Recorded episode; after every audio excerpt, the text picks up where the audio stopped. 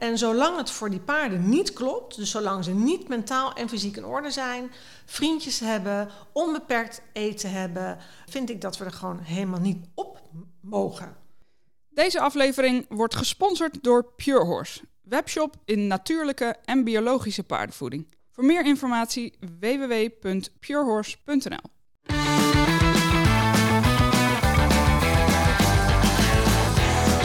Leuk dat je luistert naar de paardenpodcast van Horse in Mind. Ik ben Rianne Dekker en in deze podcast hoor je toffe gesprekken met experts over het houden en trainen van paarden. Met al deze experts heb ik één ding gemeen en dat is dat we een wereld vol gezonde en gelukkige paarden willen.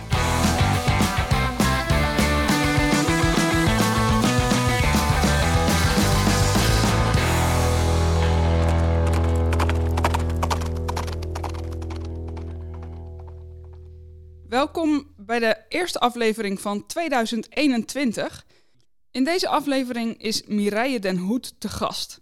Zij is revalidatietrainer, instructrice, oprichter van de Tact Academy en tegenwoordig auteur, namelijk van haar boek Longeren met Tact. Dat is gloednieuw uh, en kun je nu al in de uh, voorverkoop bestellen. Ze is 50 jaar, ze is geboren in Voorburg en is haar hele leven eigenlijk al druk met paarden. Uh, ze rijdt al op de manege vanaf de achtste en mocht daar op de moeilijke ponies. Ja, en toen wist ze eigenlijk ook al van, nou, ik wil echt in de paarden gaan werken later. Net als uh, heel veel jonge meiden natuurlijk. Toen heeft ze vanaf haar achttiende op een springstal gewerkt. En dat was eigenlijk nogal een shock. Ze zag bloed in de mondhoeken en op de flanken van de sporen. En dat in combinatie met een schimmel die nogal bezweet was, uh, zag dat er natuurlijk uit als een soort slagveld. En toen wist ze, zo wil ik het Leert. niet. Ja. Maar je was dus, uh, je hebt op die springstal gewerkt. ja. En daarna? Daarna ben ik bij een uh, hengstenhouder terechtgekomen. Die, ehm, ja, daar deed ik eigenlijk halve dagen administratief werk en halve dagen met de paarden werken. En nee, dat was het gewoon ook niet. Moeilijk om te zeggen waarom dat het niet was, maar ik, ik weet wel dat ik daar toen op ja, die paarden moesten zadenmak. En nou ja, daar ging je dan als stagiaire, werd je dan natuurlijk opgezet, ja. terwijl ze echt, ja, echt niet oké okay waren om op te gaan. Hmm. En ik weet ook wel dat ik daar op een paard heb gezeten wat gesedeerd werd. En dan ja, niet makkelijk zadenmak te maken, dus maar sederen en dan erop en dat soort fratsen. En ja. ik weet ook dat ik daar van een paard af ben geketst, een zircoon, zal het nooit vergeten. En dan lag ik op de grond en dan zocht hij me op om na te slaan. Oeh. Dus ja, dat, dat, echt zo ik vond het toen zielig voor mij, maar achteraf natuurlijk zo zielig voor die paarden. Ja. Dus ja, dat was het ook niet. Nee. En toen ben ik maar gewoon no normale dingen gaan doen. toen uh, ja, heb ik een uh, secretaressefunctie uh, ben ik gaan bekleden. En toen heb ik gedacht eigenlijk altijd van die paarden blijft er gewoon bij. En ik doe gewoon ja. normaal werk waar ik mijn geld mee verdien. En dan doe ik de paarden Paard als, daarnaast. als hobby. Ja, ja, en dat heb ik heel lang gedaan. En uh, ik heb heel veel gewerkt als directiesecretaresse bij commerciële bedrijven. Vond ik onwijs leuk. En dan uh, s'avonds dan uh, in mijn mantelpakje met mijn jeep reed ik dan naar stal en dan kleed ik me om. En dan was ik de hele avond met de paarden bezig. En dat ja. vond ik eigenlijk prima. Ja. En dat is tot 2000, ik ben altijd slecht in jaartallen, maar tot mijn, nou, ik denk tot mijn, tot mijn 34ste, 35ste heb ik dat gedaan. Ja. En wat veranderde er toen? Toen, uh, toen ik 34 was, ontmoette ik uh, Anja, mijn uh, huidige vrouw. Wij stonden op dezelfde stal. En um, ik vond haar super stom en zij vond mij super stom. dus dat, was wel, dat was wel leuk. En wij zaten in hetzelfde viertal. We hadden allebei een zwart paard, dus we zaten in hetzelfde viertal. Nou, dan ga je samen op concours, zit je veel in de vrachtwagen en dan leer je elkaar ja. kennen. En toen sloeg de vonk over. En ik was wel altijd dat ik um, veel wilde leren over de paarden. En uh, nou ja, ik had me om de een of andere reden ingeschreven voor een, uh, een les en clinic bij ene Antoine de Bot. En uh, dat ja. veranderde mijn leven. En dat van Anja. Ja. ja. Ja, dus Want, dat, is, dat is al heel lang geleden. Ja. ja. En waar heeft dat allemaal voor gezorgd? Voor een heleboel, geloof ik. Ja, Antoine heeft er echt voor gezorgd dat wij weer, of dat ik in ieder geval weer fulltime in de paarden ben gaan werken. En hij heeft mijn kijk op paarden volledig veranderd. En um, ja, die man heeft me echt zoveel geleerd. Ja, ik ben hem elke dag dankbaar voor wat ik voor hem, van hem heb geleerd. En hij heeft ervoor gezorgd dat wij doen wat we doen. Ja. Dat is het eigenlijk. Ja. En um, volgens mij is dat niet alleen maar op het gebied van training, maar ook überhaupt op het gebied van, van paarden houden. Heb jij best wel een, een andere visie dan de, uh, nou ja, laat ik het zo zeggen, de gemiddelde uh, sportruiter. Ja, ik wil altijd wel het naadje van de kous weten. Ik denk dat ik daarom me ook toen heb uh, ingeschreven voor die kliniek van Antoine. Ik had een instructeur en dan was het binnenbeen buiten teugel. En hij mag er wat meer doorheen en een beetje dieper en een beetje meer binnenhand. Echt volledig ongegrond en zonder uitleg. Ja. Kon ik helemaal niks mee. Dus ik denk dat ik wel iemand ben die altijd wel graag wil weten waarom. Um, en dan blijf je, als je dat in je hebt, dan blijf je gewoon zoeken. En dan blijf je antwoorden zoeken en vinden. En dan ga je dingen steeds anders doen. Ja. Dus mijn levensmotto is ook: zij die nooit van mening veranderen, hebben zelden iets geleerd. En ik denk dat dat echt. Ja, als je het voor de paarden goed wil doen, dan moet je er zo in staan. Want we gaan het in dit leven nooit leren. We zijn te, ja. Een mensleven is gewoon te kort om het echt te leren. Niet alleen om echt rijden te leren in mijn ogen, maar ook om, om het wezen paard echt te leren begrijpen. Dus dat betekent dat je je hele leven blijft leren en dat je dus je hele leven dingen blijft aanpassen. Ja. Ik weet niet of Antoine per se heel erg heeft gezorgd voor uh, een andere kijk op het management. Uh, maar een volledig andere kijk op het trainen. Dat echt absoluut. Ja, maar ik weet ook dat bij Antoine nooit een tandarts kwam, want dat vond hij niet nodig. En er kwam ook een, nooit een dierarts op het trein, want dat vond hij niet nodig. Ja, en de paarden werden ook niet behandeld, want dat vond hij niet nodig. Dus, uh, dus dat heb ik wel in de jaren daarna, zeg maar, uh, ontdekt. Maar um, ja, het, het, qua trainen heb ik echt uh, heel veel aan hem te danken. Ja. ja. Wat waren daarin je grootste inzichten? Verticale balans. Oh ja. ja, het grootste inzicht was, ik was altijd handig en ik kwam met dat paard waar ik toen uh, bij hem mee kwam, daar reed ik mee in set. En ik had tot en met het set 1 altijd alles gewonnen. En dan denk je dat je het goed doet. Ik denk dat dat voor heel veel uh, mensen geldt. Ik hoop ook voor mensen die, die dit beluisteren. Als je wint, dan denk je dat je het goed doet. Ja. Maar dat, helaas is het alles behalve waar. En dat heeft hij mij geleerd. Ik, ik weet de eerste les. Hij paard uh, gebruikte zijn buikspieren niet goed en had te veel onderhals en ik kon niet lichtrijden.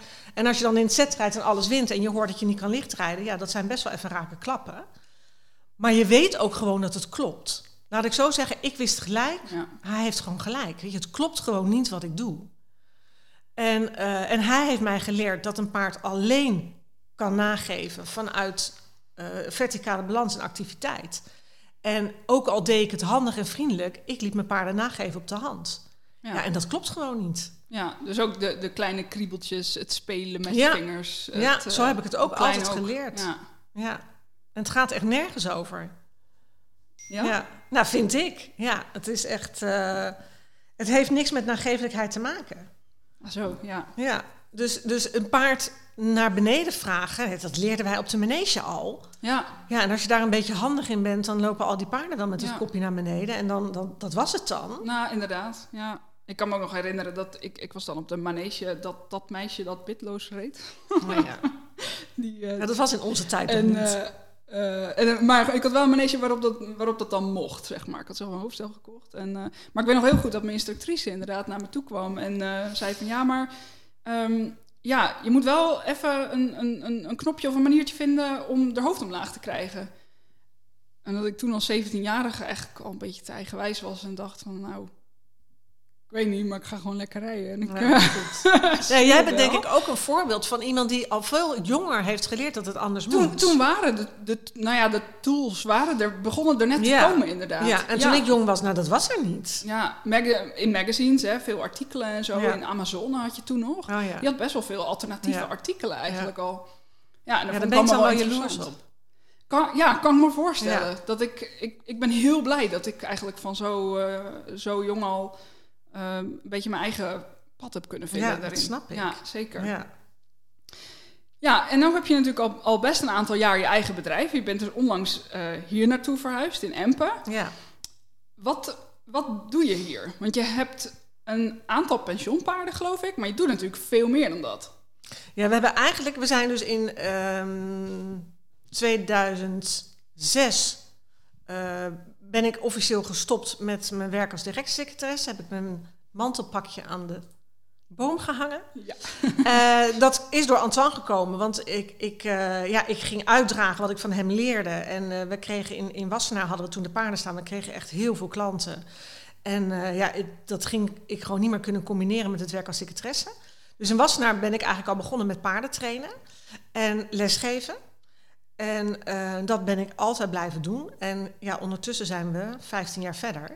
En zijn we gewoon uitgegroeid tot wat we nu zijn. En we doen, we doen verschillende dingen. Het is leuk, want jij zegt gelijk pensioen. Maar dat is eigenlijk wat we vooral niet klein, doen. eh, ja, ja. minimaal en Ja. eigenlijk niet. Amper.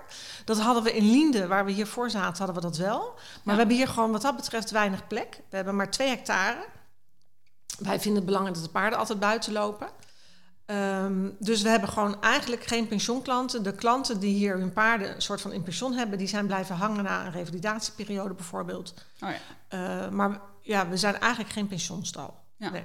Dus we hebben hier altijd een paar paarden eh, staan die we trainen. Eh, dat was eigenlijk ehm, voornamelijk paarden trainen die eh, een blessureverleden hebben.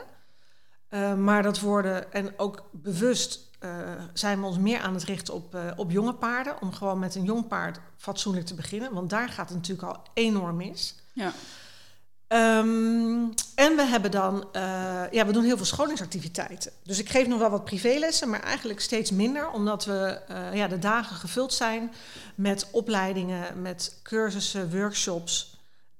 Dus heel veel scholingsactiviteiten. ja. Ja. En je noemde net al revalidatietrainen en jonge paarden. Ehm, dat is dus een beetje verschoven, hè? want volgens mij trainde je hiervoor meer revalidatiepaarden en Ja. zijn het dan nu, eh, richt je je meer op de ja, jonge dat heeft wel een hele belangrijke oorzaak. Ja, nou daar wilde Ja. ik even naar vragen. Ja, het probleem is met de revalidatiepaarden. Ik leerde van Antoine om kreupele paarden zuiver te krijgen. En dan is het natuurlijk prachtig. Dus dat hebben wij ook jaren gedaan. Eh paarden kwamen bij ons en die waren onzuiver en die reden wij zuiver. Ja. Ja, klinkt goed. En toen leerde ik van eh, Linda van Diepen. Is ook zo iemand die ons leven heeft veranderd. Ehm, Linda is dierenarts, is osteopaat, is chiropractor, craniosacraal therapeut, jackmar-therapeut, kinesioloog. En nou is echt mega breed opgeleid. En eh, van haar leerden we dat we de paarden zuiver kregen, maar op compensatie. Nou, dat was echt zo'n smash in my face. Dus dat betekende dat ik heel veel paarden had getraind die absoluut nu gezien niet trainbaar waren. Eh, en dat betekent ook dat als wij hier paarden aangeboden krijgen voor training, wij alleen nog maar trainen op groenlicht van Linda. We werken echt al, nou, ik geloof, twaalf jaar of zo met haar samen. En dat betekent dat heel veel paarden die wij aangeboden krijgen niet trainbaar worden bevonden. Ja. Dus heel veel paarden die, eh, die wij eh, aangeboden krijgen, die worden eh, net zo hard weer terug naar huis gestuurd. Of omdat ze gewoon te ver heen zijn, of omdat er verdere diagnostiek gedaan moet worden. En dan blijkt dat er te veel aan de hand is om alsnog te trainen. Ja. Dus de lat van wat wij trainbaar vinden, die is enorm verlegd. Die Ja. is zo niet meer wat het was. Ja. En ik denk dat dat ook er wel voor heeft gezorgd dat, ehm, ehm, ja, dat we gewoon minder te trainen hebben, omdat er gewoon heel veel niet trainbaar is. Ja. En dan ga je bedenken van ja, weet je, als er zoveel niet trainbaar is, ja, het gaat gewoon al zoveel eerder mis. En ik heb eigenlijk vroeger heel veel paardenzadenmak gemaakt. Toen heb ik dat heel veel jaren bewust niet meer gedaan, omdat ik vond dat andere mensen dat beter konden. Er zijn heel goede horsemanship mensen waar ik goed vertrouwen in heb, die dat in mijn ogen beter konden. Maar wat we de afgelopen jaren weer hebben gezien, is dat de meeste mentale trainers, de meeste horsemanshippers, en ik mag ze absoluut niet allemaal over één kam scheren, maar toch wel heel veel, heel veel draaien. En eh, dus heel veel ehm, disengage, ehm, disengagement, waardoor je constant het binnenachterbeen onder het lichaam vraagt, tot in de treuren. Ik zie mentale trainers die uren achter elkaar draaien. Daar zien wij eh, heel regelmatig de fysieke problemen van. Dus dat heeft er eigenlijk voor gezorgd dat wij hebben gezegd: wij gaan het, wij gaan het zelf doen. Want als we dan jonge paarden kregen die eigenlijk zadelmak waren, die verder doorgetraind konden worden, dan was er al zoveel mis mee door het onder andere, door het vele gedraai. Ja. Ehm, en wij kennen tot op heden geen echt goede mentale trainers die niet draaien. ja. Dus ja. Dus eigenlijk we zijn- die combinatie van dat mentale en fysieke is dus juist zo belangrijk. Absoluut, het is super belangrijk. En, en ehm, ik denk dat als ik mensen zou. Ik ben 50, weet je, ik zie, ik zie het ook niet meer per se zitten om altijd op jonge paarden te stappen. Ehm, als ik meer of goede mensen zou kennen die echt fatsoenlijk zadelmak maken, Ja. zonder het gedraai, waar ik echt vertrouwen in zou hebben, dan denk ik dat ik toch weer meer zou doorverwijzen. Ja. Maar ja, dat is gewoon, dat is, vind Ja. ik echt wel een dingetje. Ja. En dus we hebben nu een paar paarden, hebben, we noemen dat het jonge paardentraject eh, waar we mee bezig zijn met de jonge paarden. En het is ook echt weer superleuk. Dus dat is ook wel, ja, waarom we ook Ja. wel weer meer met de jonge paarden ook bezig zijn. Wat, Ja. is, wat is in de, in de omgang en training eh, voor jou de, het, het grootste verschil tussen revalidatiepaarden en jonge paarden? Het is Met alle- jonge paarden begin je gewoon goed. Ja, Als een, paard, als een jong paard gezond is, hè, dat is natuurlijk ook al een ding. Maar als een jong paard gezond is, dan, eh, ja, dan begin je gewoon niet met problemen. Dat is gewoon, Ja. ja. dat is zo makkelijk. Dat Ja. is zo luxe om daarmee te werken. En voor die paarden zo fijn. Dat gun je elk paard. Om gewoon meteen een goede start te krijgen. Ja, Ja. zowel mentaal als fysiek. Ja. Ja. en er komt gewoon heel veel bij kijken. En, ehm, en een revalidatiepaard, ja, dat zijn altijd issues. Hè, dat zijn altijd fysieke issues. Je bent altijd aan het oplossen. Ja, Ja. dat zijn altijd fysieke issues, maar ook vaak door de fysieke issues ook veel mentale issues. Dus revalidatiepaarden zijn veel ingewikkelder dan jonge paarden. Ja, Ja, absoluut. Ik, eh, ik ben het helemaal met je eens hoor. Ik ben voorlopig al even klaar met revalidatiepaarden. eh, moet ik zeggen. En ik ben heel blij dat ik nu een jong paard heb waarbij ik echt van, van nul af aan het, eh, het zelf kan doen. En eh, nou ja, hopelijk gewoon goed kan doen. ja. En, ehm, maar ja, wat dat betreft snap ik helemaal waarom je nu even meer op de jonge paarden focust in plaats van dus de, de revalidatie. Ik, vind revalida- ik vind revalidatie echt super gaaf. Ja, Ehm, maar er, de, de paarden zijn gewoon heel vaak al te ver heen. En de paarden die wel trainbaar zijn, hè, dat, dat klinkt weer heel negatief alsof niks meer op de rit te krijgen is. Maar natuurlijk zijn er paarden eh, wel weer op de rit te krijgen. Maar dat zijn lange trajecten, dat zijn dure trajecten. Want het is niet alleen de training die wij doen, maar Ja. eh, het is ook zorgen dat die paarden eh, fysiek in orde zijn, dat de voeten goed zijn, eh, dat de voedingstoestand goed is. Het zijn gewoon hele heftige trajecten. ja. En dat vinden ook heel veel mensen ook echt een ding. Het is niet zo van zet hem hier een maand neer, ik, ik hij breng is hem weer op de goed. rit en Nee. hij is weer goed. Nee. Het zijn echt pittige trajecten, hè, Ja. van minimaal drie maanden over het algemeen. Ja, absoluut. Dus, ehm, dus ik vind het absoluut heel leuk en ik wil het ook heel graag blijven doen. Maar ik vind nu die combinatie van en revalidatie en jonge paarden vind ik, eh, vind ik heel leuk. Ja. Ja. En eh, je, je gaf al even aan, hè, van, het zit ook in de voeding en in de huisvesting, hoeven, dat soort dingen. Ehm, hoe, hoe pakken jullie dat hier aan met de revalidatiepaarden? Wat, wat komt er allemaal kijken bij een revalidatietraject voor jou? Ja, echt super veel. Nou, begin bij het begin. Er een nou ja, in eerste instantie, ja, Linda. Linda is eh, voor ons echt eh, wat dat betreft eh, heilig. Als een revalidatiepaard binnenkomt, dan gaat hij eerst langs Linda. Waar die ook al is geweest, wat voor een diagnostiek er ook al is gedaan, Ja. dat maakt me niet uit. Linda is gewoon super kritisch. Wij weten gewoon waar zij, eh, hoe, haar, hoe hoog haar lat ligt van trainbaarheid. Ehm, als mensen dat niet willen, dan zijn, ze, dan zijn de paarden hier niet welkom. Dus daar, Ja. daar begint het, Linda. Nou ja, en dan gaat Linda kijken en dan, ehm, ja, dan in, in het simpelste geval ehm, moet Linda het paard behandelen en dan kunnen wij ermee aan de slag. Ja. Dat is zeg maar als het heel makkelijk gaat. Nou, dat, dat is echt top als dat zo is. Dan zijn we Ja. echt allemaal heel blij. Ik, ik proef hieruit dat dat eh, meestal niet het geval is. Het is eh, minder vaak het geval als dat er eh, verdere diagnostiek nodig, nodig is. Ja. Ja. En waar moet je dan aan denken? Ehm, nou ja, vaak eh, zijn de paarden toch niet zuiver. Ook al worden ze door eh, eigenaren wel zuiver bevonden of door andere dierenartsen niet zuiver bevonden. Vaak Ja. eh, zijn ze toch niet helemaal zuiver. Ehm, en dan is het belangrijk om te weten waar komt dat vandaan. Dus als er dan al diagnostiek is gedaan, dan is dat ideaal. Hè? Dan is het wel vaak zo dat Linda kiest voor behandelen om te kijken hoe het lichaam het gaat oppakken, de behandeling. Maar als er eh, nog geen diagnostiek is gedaan, ja, dan willen we gewoon weten wa- wat is er aan de hand. En eh, Linda is iemand die eh, misschien wel vaker niet behandelt dan wel. Want als je niet weet wat er aan de hand is en je gaat toch behandelen, dan kun je gewoon kwaad doen. Ehm, dus dan, eh, dan worden de paarden doorverwezen voor verdere diagnostiek. Wij doen veel samen met Henk van der Veen van de Linghoeven Diergeneeskunde bijvoorbeeld. Mag ook absoluut een andere dierarts zijn, maar met hem hebben we gewoon hele korte lijntjes en werkt Linda ook heel nauw mee samen. Ja. En Linda die eh, heeft meestal wel eh, een gebied ehm, waarvan zij meer eh, wil weten.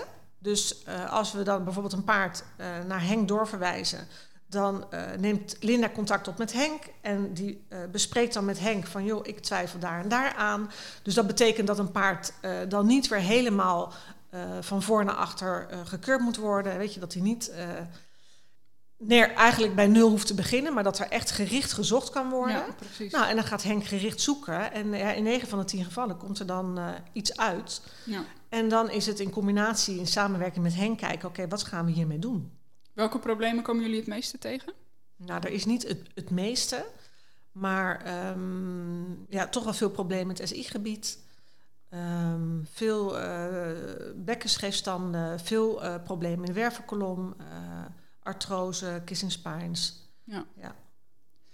En dan de diagnostiek is gedaan, eventueel behandeld. En dan? Dan komen ze terug, hopelijk. Ja. Ja, en dan eh, ja, in, in, in, eh, in samenspraak met, eh, met Linda en Henk komt dan zo'n paard terug. Dan kan Linda gericht behandelen. En ehm, dan komt hij hier dus ook te staan. En dan gaan we in 9 van de 10 gevallen beginnen met het werk aan de hand. Ja, met het werk aan de hand kun je. eh, dat, is, dat is leuk, want dat is ook iets waar ik heel erg in ben veranderd. Ik denk dat ik dat pas. altijd heel slecht in tijden, maar nou, misschien een jaar of vijf doe of zo. Ik vond het vroeger echt super suf en saai. En dat was eh, voor mij de geitenwolle sokken van de academische rijkunst... met eh, de jogperlages en de ja. alternatieve broeken en met een bareback pad. Nou, ik vond het echt helemaal niks. Maar ehm, ja, ik, ik ben daar natuurlijk ook om... Want je krijgt dan paarden waar je niet mee mag rijden. Nou, longeren, dat is sowieso hoogbelastend. Dus de revalidatiepaarden mogen eigenlijk nooit gelongeerd worden. Dus dan moet je wat en dan ga je aan de hand werken. En dat heeft mij zoveel gebracht. En dat heeft de paarden ook zoveel gebracht. Dus ja, dat is iets waar ik heel erg in ben veranderd. Ik ben eh, ja, steeds meer aan de hand gaan werken. ja. Dus dan worden de paarden over het algemeen eerst aan de hand gewerkt. Aan de hand leren we ze al eh, een correct bewegingspatroon. Want vaak bij revalidatiepaarden, eh, die zijn vaak een verkeerd bewegingspatroon gaan ontwikkelen. Dus die moeten weer een correct bewegingspatroon eh, ontwikkelen. Daar helpen we ze mee aan de hand. Dus we zorgen dat het bewegingspatroon gelijk is. We zorgen dat, dat het paard al in balans is. Dat hij niet te veel op de voorhand gaat. Ehm, en als hij zover is aan de hand dat hij sterk genoeg is en voldoende in balans dat we erop kunnen, dan gaan we erop. En dan gaan we vanuit eh, onder het zadel eh, doorwerken. ja. Ja. Ehm, je benoemde ook eh, het veel buiten zijn en hoefgezondheid. ja. Ehm, hoe ga je daarmee om met de revalidatiepaarden? Ik zeg altijd, je kunt een paard nog zo goed trainen. Als hij f- 23 uur per dag in het hok staat en hij krijgt kuil, begin er vooral niet aan, zonde van je Ja. tijd. Ja. Dus in onze ogen moet een paard heel veel buiten staan. Wij hebben de paarden in principe, als het even kan, 24-7 buiten. Ze krijgen onbeperkt onverpakt hooi. Eh, als het heel nat is en ze kunnen bijvoorbeeld niet droog liggen, dan zorgen we dat ze binnen eh, op een dik strobed eh, tot rust kunnen komen en dat ze kunnen slapen. Ehm, dus wat, wat, wat wij heel belangrijk vinden, is dat je echt kijkt naar het paard als individu. En dat je echt kijkt naar wat het paard nodig heeft. En het, sommige paard, het, enige, het ene paard ehm, zal absoluut geen deken nodig hebben. En een ander paard kwijnt gewoon weg als hij geen deken op heeft, bijvoorbeeld. En, en dat is ook met het buitenstaan. Weet je, ik denk niet dat elk paard geschikt is om 24-7 buiten te staan. Ehm, dus wij kijken gewoon heel erg naar het individu paard. En ehm, ja, als ze, eh, als ze soms naar binnen moeten, of in sommige gevallen wil de eigenaar ze per se s'nachts binnen. Ja. Nou, dat proberen we ze dan wel een beetje uit het hoofd te praten. Maar ja, soms als paarden bijvoorbeeld echt niet gewend zijn, dan Ja. ja. ik kan het me ook wel eens voorstellen van de eigenaar. Weet je, hier wordt al alles anders. Ja, precies. Dus we proberen Ja. dan ook dingen niet allemaal te veranderen voor de eigenaar. Dus soms gaan ze in eerste instantie eh, s s'nachts naar binnen. In sommige gevallen gaan ze, blijven ze s'nachts naar binnen gaan, maar dan wel zo laat mogelijk. Ja. Ehm, dus dat is een belangrijk ding, zoveel mogelijk buiten. Ehm, ja, zonder gezonde voeten gebeurt er natuurlijk ook heel weinig eh, goeds in het lichaam. Dus dat is heel belangrijk. Wij eh, werken veel met Klaas Veut samen. Mhm. Klaas is hier eh, ongeveer elke twee weken. Wij laten de paarden elke vier weken bekappen. We hebben er te veel staan om ze voor Klaas allemaal in één keer te doen. Dus vandaar dat hij er elke twee weken is, dan kan hij wisselen. Ja. Maar in principe worden de paarden elke vier weken bekapt. Als het even kan, hebben we ze het liefst op blote voeten. En Ehm, maar we proberen daarin niet in hokjes te denken. Want in sommige gevallen dan ehm, ja, is het toch soms wel eens beter om er wel een ijzertje onder te hebben. Dus het is niet dat wij per definitie altijd zonder ijzers zijn of anti-ijzers zijn. Maar als het even kan, hebben we ze heel graag uh, op blote voeten. Ja. ja. En um, hoe merk jij de, de invloed daarvan in de revalidatietraining? Ja, bizar. Enorm. Van de voeten? Ja, van alles? zeker. Van hoefgezondheid? Ja, ja, enorm. Ja, we hebben er nu een, is echt, het is jammer dat hier geen uh, beelden bij zitten. We hebben er nu eentje binnengekregen, die is um, eergisteren binnengekomen, als ik het goed zeg, of de dag daarvoor. Dat is een uh, zesjarig uh, springgefokt paardje, superleuk. Die heeft nog niks geleerd, die kent nog helemaal niks, dus die gaan wij alles leren. Dat dier heeft één keer in zijn leven een hoefsmid gezien. Die voeten zijn echt extreem scheef. Dat paard staat zo verschrikkelijk scheef op zijn voeten, dat is ongelooflijk. En dan denk ik, weet je, je fokt een paard, die komt bij de fokker vandaan. De, de dame die hem nu heeft, die heeft hem uh, via een handelaar, die heeft hem bij de fokker vandaan. En weet je, dus als fokker fok je een paard. En vervolgens, je doet er niks mee. Beestje was niet halstermak, kon niet meelopen, voeten nooit gedaan. Echt bizar. Ja. Nou ja, ik ben heel benieuwd wat Klaas ervan gaat vinden. En hij, ja, het is echt...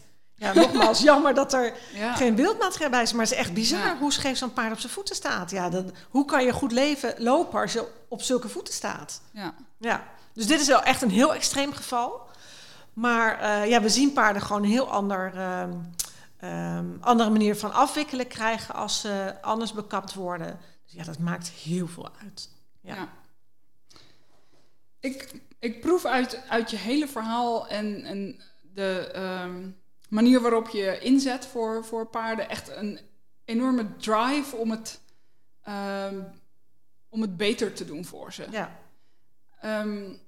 Waar, waar is die uit ontstaan? Behalve door de, weet je, de springstal heb je natuurlijk al genoemd. Dat was nogal. Ja, de, de ultieme liefde voor die paarden. Kun je daar wat over vertellen? Het is gewoon, ik denk dat er. Hoe, vaak wij, eh, even goed bedenken waar ik begin, maar hoe vaak wij paarden niet trainen, terwijl de eigenaren echt willen dat wij ze trainen, omdat, die, omdat een paard door Linda niet trainbaar wordt bevonden. En er zijn eigenaren die echt nog twee, drie keer terugkomen bij ons. We willen echt heel graag dat je hem traint. En dan wordt er gezegd, ja, maar zij of zij trainen ook. Die, dan, ja, dat, dat is best wel vaak. Ik denk dat wij daar redelijk uh, uniek in zijn. Dat wij paarden gewoon niet trainen als het voor ons niet goed voelt. Omdat wij gewoon niet over de rug van het paard willen trainen. En dat betekent dat het best financieel wel eens moeilijk is. Ik heb ook gewoon paarden in training nodig om te kunnen overleven. Ja, en als er dan een paard wordt, ja. ja, het is ons leven, het is ons bedrijf, we moeten er ook geld mee verdienen. En als Lena dan weer een paard niet trainbaar vindt, ja, dan baal ik ook. Ja. En niet alleen voor het paard en voor de eigenaar, maar ook voor mijn eigen portemonnee. Wij moeten ook het geld verdienen. Maar wij willen gewoon niet trainen als het niet oké is voor het paard. Ja. ja, en waar komt dat vandaan? Eh, vanuit de liefde voor het paard. Weet je, ze zijn, het zijn zulke briljante dieren. Ze zijn zo geweldig. Ik vind dat als wij daar op willen zitten. Hè, want het is, paardrijden is puur egoïsme. En, en ik vraag mezelf ook af hoe lang ik dat nog blijf doen. Want het is, het is het wel altijd voor jezelf goed lullen of zo. Dat gevoel heb ik voor mezelf. Hmm. En ik kan het nu nog voor mezelf goed lullen, omdat ik ervan overtuigd ben dat onze paarden top gemanaged worden. Hè, maar ik ga er gewoon met mijn dikke kont op zitten. Dan, dan moet het gewoon kloppen voor ze. En, en zolang het voor die paarden niet klopt, dus zolang ze niet mentaal en fysiek in orde zijn, vriendjes hebben, onbeperkt eten hebben, uh, een goede leefomgeving hebben, vind ik dat we er gewoon helemaal niet op mogen. Ja.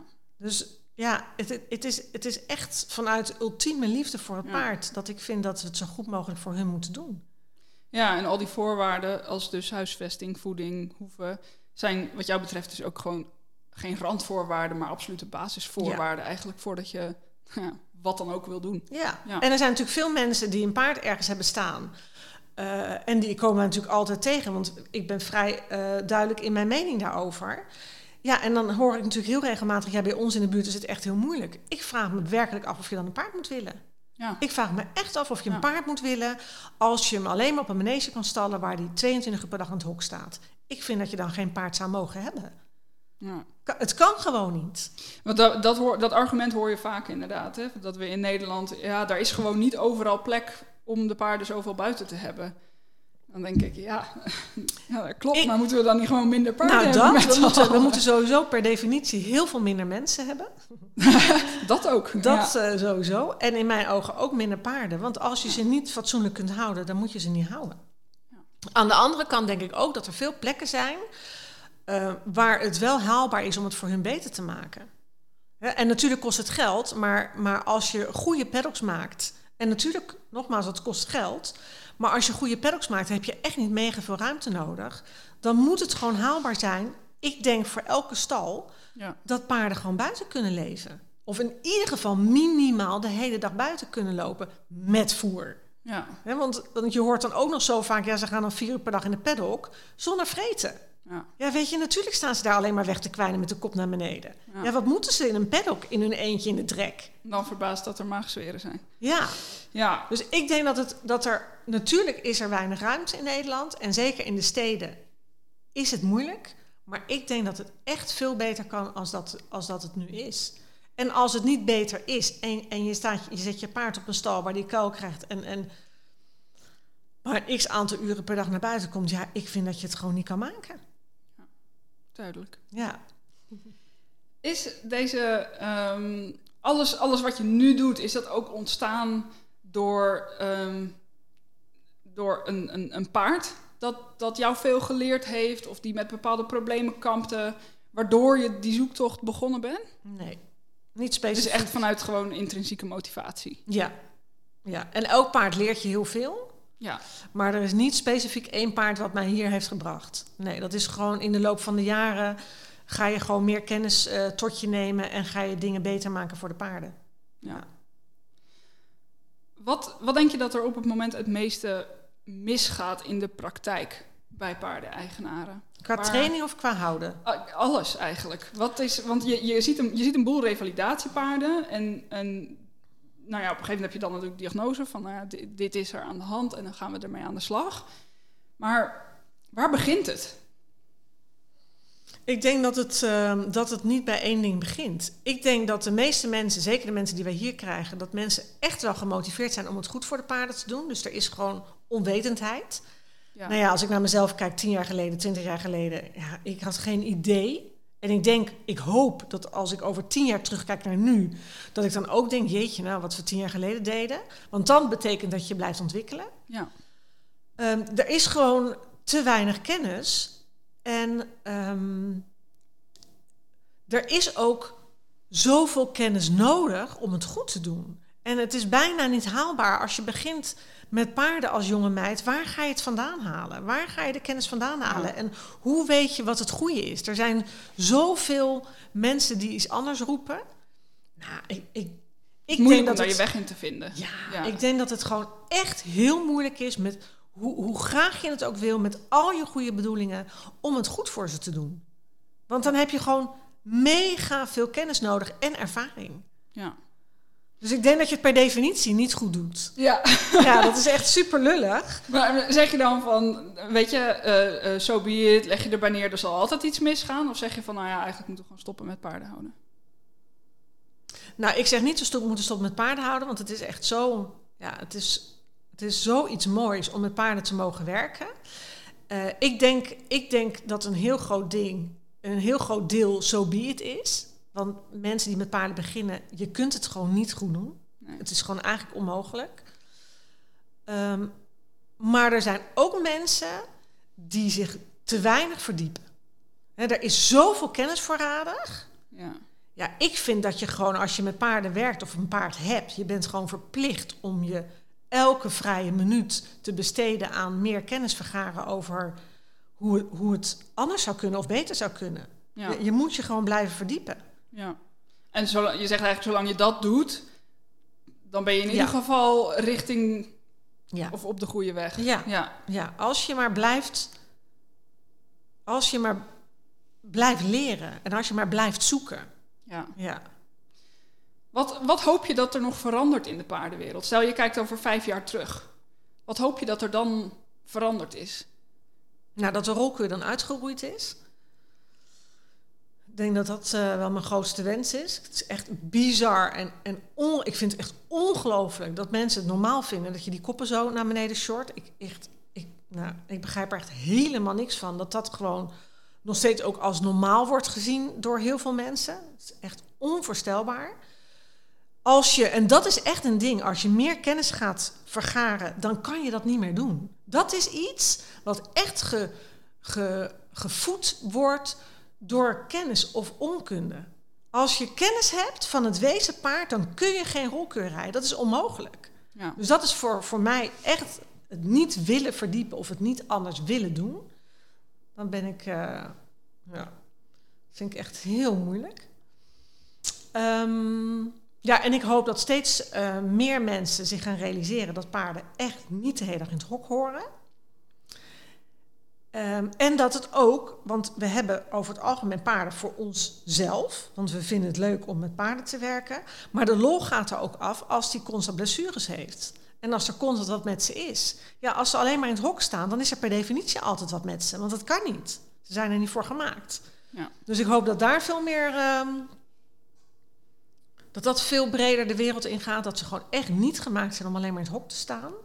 Nou ja, en ik, en ik hoop natuurlijk als, als fysieke trainer zijnde dat er steeds beter getraind gaat worden en dat er steeds meer kennis ook komt over anders trainen. En dat mensen ook zich steeds meer gaan verdiepen in ja, hoe zit een paard in elkaar en, en wat Ja. is eerlijk trainen. Ja. Ja. En ehm, je hebt zelf ook wedstrijden gereden. Denk je dat een deel van die verandering hem zit in de manier van jureren bijvoorbeeld en eh, instanties als de KNAS en de FEI? Of denk je dat het er meer zit in de, in de ruiters, die verandering? Ik heb daar wel eh, meerdere malen met, eh, met Rien wel discussies over gehad. Want, want ik zou in eerste instantie, zei ik, van nou, dat ligt natuurlijk aan de juryleden. Want zolang de juryleden ehm, goede punten, hoge punten geven aan, eh, aan paarden die hun oefening lopen eh, super scheef en zwaar achter de loodlijn. En mensen winnen die de paarden gewoon echt volledig in de krul sjoren, dan gaat het daar mis. Uh, maar wat Rien daarover zegt, en daar kan ik wel een end met hem in mee, is als, uh, als een combinatie een perfect uitgevoerd appiëment laat zien, waarbij het paard wat achter de loodlijn is, dan kan je er geen vier voor geven. Ja. Want het is een perfect uitgevoerd appiëment. Dus eh, als je een perfect appiëment zou uitvoeren, stel dat je daar een 10 voor zou kunnen geven, dan hou je er een x aantal paar punten af voordat hij te rond is. maar je kunt daar heel moeilijk uh, heel weinig punten voor geven. Dus ik denk dat dat wel een stukje waar is. Uh, maar ik vind zeker dat er veel strenger gejureerd zou moeten en mogen worden op alles wat achter de loodlijn loopt. Dus ik denk dat er absoluut ook nog wel, wel veel in misgaat. Uh, er gaat veel mis in ehm, de commercie. De jonge paarden die gewoon het geld moeten opleveren. En, en als je een vijfjarige um, wil verkopen, hè, stel je fokt een, een, een, goed gezond paard en je wil hem pas vanaf 4, 5 zadelmak maken en je wil hem pas vanaf 5 verkopen, dan moet zo'n paard misschien 50, 60.000 euro kosten als het niet meer is. Uh, dat willen de mensen er niet voor betalen. Dus we willen allemaal voor een dupje op de eerste rij, maar we willen wel een gezond paard. Zo werkt het niet. Ja. Dus ik denk dat de, dat de prijzen van de paarden veel en veel hoger zouden moeten zijn. Uh, wat het misschien gelijk ook, wat misschien gelijk ook helpt met dat er minder mensen paarden kopen. Want een paard voor 5000 euro, ja, hoe dan? Ja. Stel dat je een driejarige voor 5000 euro koopt. Ja, daar, daar, als fokker zijn, dan loop je daar gewoon superveel geld op mis. Het kan gewoon niet. Ja. Dus ik denk dat het daar misgaat, dat paarden veel duurder zouden moeten zijn. En um, dan, dan is het ook oké okay om langer te wachten en om later met de paarden te beginnen. Uh, maar de KNS zou natuurlijk een voorbeeldfunctie moeten zijn, wat ze in mijn ogen volledig niet zijn. En, en, en hetzelfde um, als we naar de FEI uh, kijken. Ja, de regels zijn duidelijk, maar er wordt niet meer gereden volgens de regels. Dus ja, ja de, de, het gaat op heel veel plekken mis. Ja. Ik, ik kan daar. Het is moeilijk om daar. Um, het, het, moet een beetje vanuit alle hoeken komen. Ja, het moet vanuit alle hoeken komen. En zolang um, de Ankies winnen, wordt het niet beter. Ja. Ja, zolang de, de, de paarden winnen die uh, zo getraind worden, wordt het voor de paarden qua training niet beter op. Dus ik hoop zeker dat er. Uh, en dat is ook wel de reden waarom ik ook toch wel weer de ring in wil, is, is toch om te laten zien dat het anders kan. En ik hoop gewoon dat er meer klassiek geschoolde trainers de ring in gaan om te laten zien dat het echt anders kan. Ja. Ja, dus ehm, Nou ja, de verandering is, is wel gaande. er is heel veel gaande. Ja. Er gebeurt onwijs veel in paardenland. Eh, ik heb soms wel het idee dat de stromingen, ehm, hè, als we dan even kijken naar modern versus klassiek, dat de stromingen steeds ehm, verder uit elkaar gaan. Dat de rolku-aanhangers eh, steeds meer eh, geloven in wat zij doen. En dat de klassieke trainers eh, steeds meer anti-modern worden en ja, zich steeds meer ook gaan wegbewegen van de moderne rijerij. ja. Dus dat is wel jammer. We zouden gewoon met elkaar moeten blijven kijken wat kan er beter. In plaats van dat de stromingen zich echt eh, van elkaar eh, Ja. ja, gaan, gaan wegstromen, werken. ja, precies. Ja, absoluut. Maar dat er goede dingen gebeuren, dat is absoluut zeker. Want we zien steeds meer klassieke stromingen en steeds meer mensen die het toch echt anders willen. Dus wat dat betreft ben ik wel positief. Ja. Het is wel heel anders dan tien jaar geleden. Ja. Als ik tien jaar geleden een lezing gaf over eh, verticale disbalans, hadden echt mensen, nou, 90% van de zaal had nog nooit over links- of rechtsgebogenheid gehoord. En nu, nou, dat is een uitzondering als mensen dat nog niet begrijpen. Dus Ja. er gebeuren supergoeie dingen. Absoluut. Ja. Tof. Ehm, ik, eh, de, de, we zouden eigenlijk nog wel, nog wel uren kunnen praten over van alles en nog wat. Als het gaat om, eh, om trainen en paarden houden en Ja. visies op welzijn. ja, misschien kunnen we Maar- er nog eentje achter, achteraan plakken. Ja, precies. Ja. Ehm, maar ik heb nog twee vragen voor je. ja. Ehm, als je kijkt eh, naar wat je tien jaar geleden allemaal deed, wat zou je tien jaar geleden wel hadden willen weten? Als je één ding mag kiezen. Compensatie.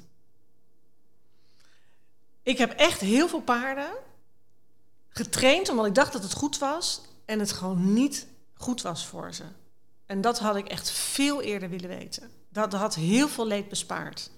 Dus eh, het- feit dat paarden zo extreem goed zijn in compenseren, dat verbaast mij elke dag weer. Eh, en ik denk dat ik pas een jaar of tien weet dat ze het überhaupt kunnen en hoe goed ze het kunnen. Daarvoor ehm, reed ik gewoon op mijn handigheid. eh, en, en, en ja, wat ik al aan het begin van eh, dit gesprek vertelde, maakte ik ze zuiver omdat ik dacht dat het oké was. En dat, dat vind ik heel erg. Dat neem ik mezelf heel erg kwalijk. Daar heb ik heel veel moeite mee.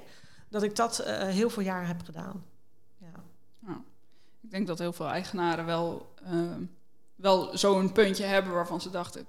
Shit, had ik, had ik het nou maar eerder geweten. Ja. Maar het was mijn werk hè, toen ook. Ja, Dus mensen brachten de paarden bij ons omdat wij ze beter konden maken. ja, En dan achteraf dat je ze niet beter maakte. Ja, je kreeg ze zuiver, maar ze waren Ja. niet oké. ja. Ja, dat is echt super heftig. Dus ik heb geld verdiend over de rug van de paarden. Ja, dat, daar heb ik heel veel moeite mee. ja dat, kan ik me voorstellen. Terwijl je nou ja, even goed op dat moment deed Absoluut. waarvan jij dacht dat het naar, het beste was voor alle, ze. naar alle beste Ja. kunnen. En met, en met eh, het volledigste Ja. vertrouwen erin dat ik het op dat moment goed deed. Want anders zou ik het niet doen. Ja. Ja, dus dat, dat is heftig. Ja. En dat maakt dat je zo, of dat wij zo voorzichtig zijn met wanneer we gaan trainen en, eh, en wanneer niet. Ja. want eh, dat, dat willen we gewoon echt niet meer. Ja. Ja. En dan tot slot, als je denkt aan een van de, de, de mooiste of beste of ontroerendste momenten met paarden. Is er dan een moment dat er echt uitspringt voor jou? Nou, dan denk ik aan twee dingen. Eh word gelijk emotioneel, maar de rechter.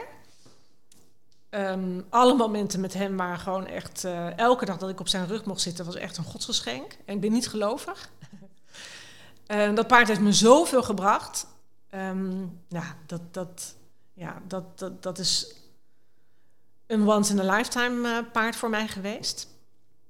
En ehm, ja, hier mogen zitten. Op deze plek. Ja. Ja, vind ik echt Ja. eh, heel bijzonder. Even mijn tranen wegslikken. Eh, wij hebben 15 jaar eh, zo onwijs geknokt voor die paarden. We hebben heel veel gehuurd gezeten. Dramatische dingen gezien, verschrikkelijke dingen gezien. Paarden die in elkaar werden geslagen, in spiegels werden gereden. ehm, eh, hengsten die uitschachten waarbij de, de penis weer terug werd geslagen. We hebben zulke verschrikkelijke dingen gezien en meegemaakt. Ehm, op de stallen waar we huurden. Gelukkig de, de zeven jaar voordat we hier kwamen, hebben we in Liene gezeten. Een super fijne plek. Waar we gewoon echt ook het hele bedrijf huurden. Uh, waardoor we daar geen ellende meer hebben hoeven zien. Maar we hebben zoveel uh, gevochten. En dan eindelijk zitten we hier op deze, ja, ook weer jammer dat er geen beelden bij zijn, maar op Ja, deze het is waanzinnige, Het is echt een prachtige plek. ja, op deze waanzinnige plek in Empen. En, en Anja en ik hebben hier zo hard voor gewerkt en zoveel moeten Ja. doorstaan. En het was echt zo'n pelgrimstocht op onze knieën, op alle vlakken. Dit, dat is iets wat mij ook eh, ja, wat heel bijzonder is voor ons. Dat, eh, Ja. dat wij eh, dit hebben bereikt en dat we hier mogen werken en leven en wonen. Ja. En, ja. Dus je geniet er echt maximaal Dit is echt elke dag zo dankbaar zijn en zo op en top genieten. Dat is echt heel bijzonder. Ja, Dankjewel voor het gesprek. graag gedaan.